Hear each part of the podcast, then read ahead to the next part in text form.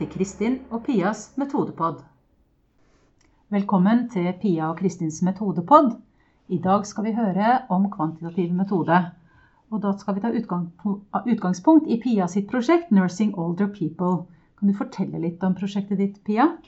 Ja, eh, jeg brukte kvantitativ metode i min doktorgrad. Og jeg forska på helsepersonell og hvilken kompetanse de har i forhold til de oppgavene som de skal løse i eldreomsorgen slik den har utviklet seg til i dag. Mm -hmm. Så jeg hadde flere studier, og den første så, så jeg på hvilke kompetansebehov det er. Hvilken kompetanse trengs for å gi syke eldre den hjelpen som de har behov for. Og så begynte jeg å utvikle et spørreskjema som skulle kartlegge dette her. Og det gjorde jeg i den andre studien. Og i den tredje studien så så brukte jeg dette skjemaet til å kartlegge, eller som vi sier på kvantitativt språk, måle kompetansen mm. til helsepersonell. For å da forsøke å gi svar på om de har den kompetansen som det er behov for. Mm. Kjempespennende. Og hvis vi nå skal bruke Dalland sine begreper inn på din studie, så, så sier han at kvantitative studier er kjennetegna av presisjon. Hva tenker du om eh, Når Dalland sier det, hva gjenkjenner du det i din studie? Mm, absolutt. Han skriver jo der at uh, presisjon det er å få frem mest mulig eksakt avspeiling av den kvantitative variasjonen. Og da har jeg tenkt på I den uh, forklaringen der så er det særlig to ord som er viktig, og det er eksakt og variasjon. Mm. Uh, for i kvantitativ metode så forsøker vi å måle noe. Og det er mer eller mindre vanskelig å måle noe. Det er f.eks. lett å måle temperaturen til en person, blodtrykk, blodverdier, ganghastighet. Ehm, dette er ting som er lett å måle. Mm. Men vi forsøker også å måle eh, noen fenomen som er vanskeligere å få tak i. F.eks. humør. Ja? Livskvalitet. Kunnskap, og da i mitt tilfelle kompetanse det er eh, såkalte begrep som er vanskeligere å få tak i og måle. Um, og når vi, for at det skal bli eksakt, så må vi ha godt uh, grep om hva dette fenomenet innebærer. For vi ønsker å måle dette fenomenet, som i mitt tilfelle er kompetanse, og ikke noe annet. Nei, ikke sant?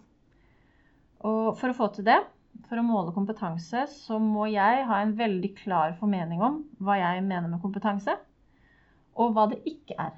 Mm. Så det blir en sentral del av forskningen å, å redegjøre for det. En avgrensning av fenomenet? Mm. Ja. Mm. Og, og, da er vi inne på et eh, begrep som heter validitet. Men uh, det var nå snakk om eksakt uh, avspeiling av f.eks. kompetanse. Og da må vi altså definere hva kompetanse er, og så må vi etterpå operasjonalisere det. Mm. Eh, det andre ordet som er i den eh, forklaringen på hva presisjon er, det er variasjon. Og I kvantitativ metode så ønsker vi å se hvordan det vi måler, varierer mellom personer eller grupper eller befolkninger. Og det er denne variasjonen som er interessant for oss. F.eks. når jeg målte kompetansen til helsepersonell i ni kommuner, så ville jeg se om det varierte mellom sykepleiere, helsefagarbeidere og assistenter, eller om kompetansen varierte mellom yngre og eldre arbeidstakere, eller mellom sykehjem og hjemmetjenester. Så for å kunne få frem variasjon, så må vi ha mange personer med i studien. Mm.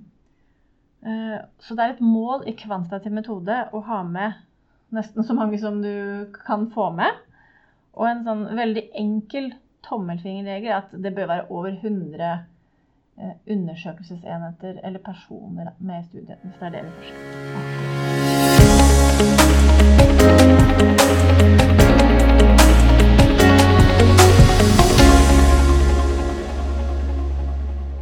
Ja, her hører vi forskjellene komme fram. Det neste begrepet eller beskrivelsen som Dalland trekker fram, er bredde som et kjennetegn på kvantitativ metode. Mm. Uh, har du litt eksempler fra din studie knytta til det? Ja. Uh, han skriver da at det er å gå i bredden, innhente et lite antall opplysninger om mange undersøkelsesenheter. Og vi ønsker som sagt å få mange personer med i en eh, kvantitativ studie. Fordi vi ønsker å si noe om hva som gjelder for så mange mennesker eller undersøkelsesenheter som mulig. Og de vi undersøker, kaller vi for populasjon. Vi ønsker å si noe generelt om denne populasjonen. Vi ønsker å generalisere. Og det er det samme som å gå i bredden. Mm. Og for å få til det, så må vi, for å eh, gjenta meg selv, inkludere veldig mange personer. Eh, men eh, som jeg sa, tommefingerregel er 100, men det er jo veldig stor variasjon mellom kvantitative studier i forhold til hvor mange de inkluderer. Noen kan ha så få som 30-40 personer eller en enheter med. Og noen er så store at de har flere millioner med Mm. i studien sin. Jeg hadde til slutt eh, 1016 personer med i min studie. Men jeg hadde sendt ut spørreskjema til over 3000. Mm. Så da fikk jeg en eh, responsrate på 35 Akkurat. Eh, og en eh, vanlig un- undersøkelsesmetode er jo spørreskjema. Eh, og hvor mange som orker å svare på den, er egentlig eh, er du ganske avhengig av for, for å få gode data. Mm. Så der, eh, i forhold til hva du snakket om i stad, hvordan man gjør intervju, så er det veldig viktig å forberede en spørreundersøkelse på en slik måte at mange faktisk svarer på den. For Mm. din, kvaliteten på din kvantitative studie avhenger av bl.a. da hvor mange som svarer. Mm.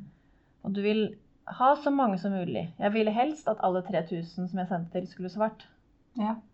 Eh, Men det var mange ting som gjorde at det da bare var 1016 som svarte. Mm. Eh, Så det, det med bredde, det er altså et eh, mange undersøkelsesenheter og så et lite antall opplysninger. Fordi det gir seg nesten selv da, at når du skal spørre så mange om noe, eller undersøke veldig mange enheter om noe, så kan du ikke undersøke altfor mange ting. Nei, da blir det for mye data, rett og slett. Er det det sånn man kan skjønne det? Ja. Ja. Eh, Så vi har relativt få variabler, som vi kaller det. Mm. Eh, Det er det vi undersøker, det vi er interessert i, i en studie. Nå er det en sannhet med modifikasjoner, for jeg hadde veldig mange spørsmål i mitt spørreskjema. Jeg Mhm. hadde 365 spørsmål.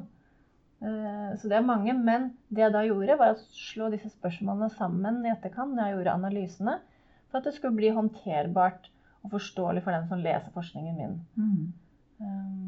Ja. Så det, man går i bredden ved å eh, spørre mange om få Mm. ting. Ja, akkurat. Og så snakker man i kvantitativ orienterte studier om eh, ha et mål om å, å, å finne det gjennomsnittlige.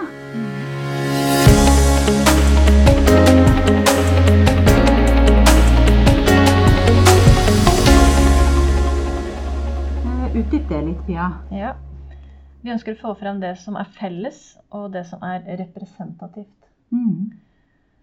Så det har jeg allerede begynt å snakke om i forhold til det å gå i bredden. Mm. For at vi ønsker å finne det som er generelt for en gruppe eller en populasjon. Så det henger sammen med det. Så når vi har samlet inn disse store mengdene med data, som vi gjør i kvantitative studier, så trenger vi å bearbeide det på en måte så at det blir eh, forståelig og håndterlig og brukbart. Og da gjør vi statistikk. For mange så høres det litt avansert ut med statistiske analyser, men den mest vanlige og den, noe av den beste statistiske analysen, det er gjennomsnitt. Akkurat. Ja. Og den bruker vi veldig mye. Eh, For vi ønsker å si noe hva som er gjennomsnitt i forhold til de ulike variablene. F.eks. hva er gjennomsnittlig temperatur, blodtrykk, blodsukker osv. Og for meg var det hva er gjennomsnittlig eh, kompetanse. Mm.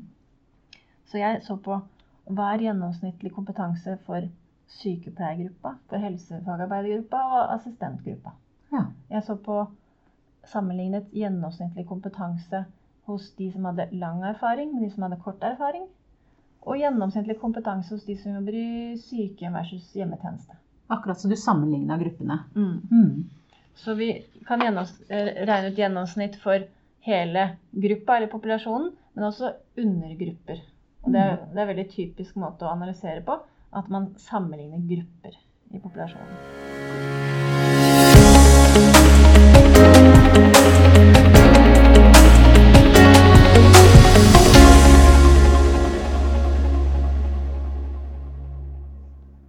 Ja, da har vi kommet gjennom presisjon, bredde og det gjennomsnittlige. Og så sier Dalland at systematikk er et kjennetegn. Mm. Eh, Kan du si litt om det også?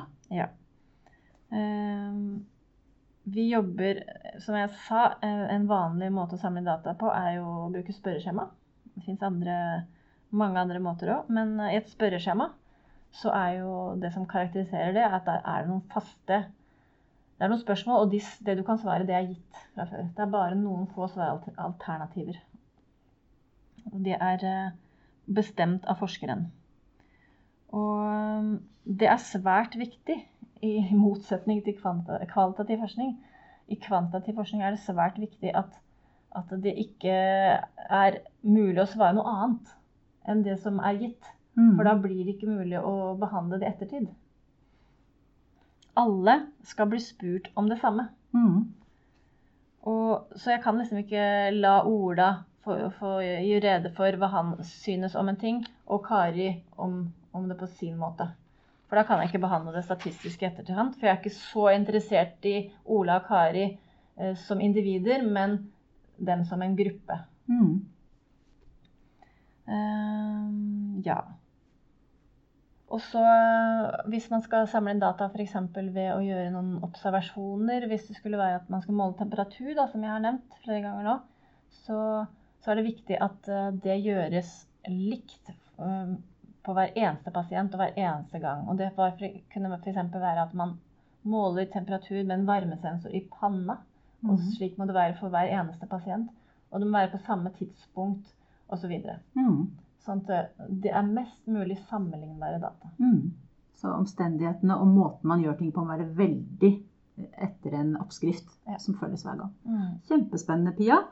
Da har vi oppsummert eh, litt om studiene våre knytta til noen kjennetegn som Dalland gjør rede for. Eh, Både presisjon, bredde, det gjennomsnittlige og systematikk på den kvantitative delen, og følsomhet, dybde og fleksibilitet for den kvalitative delen.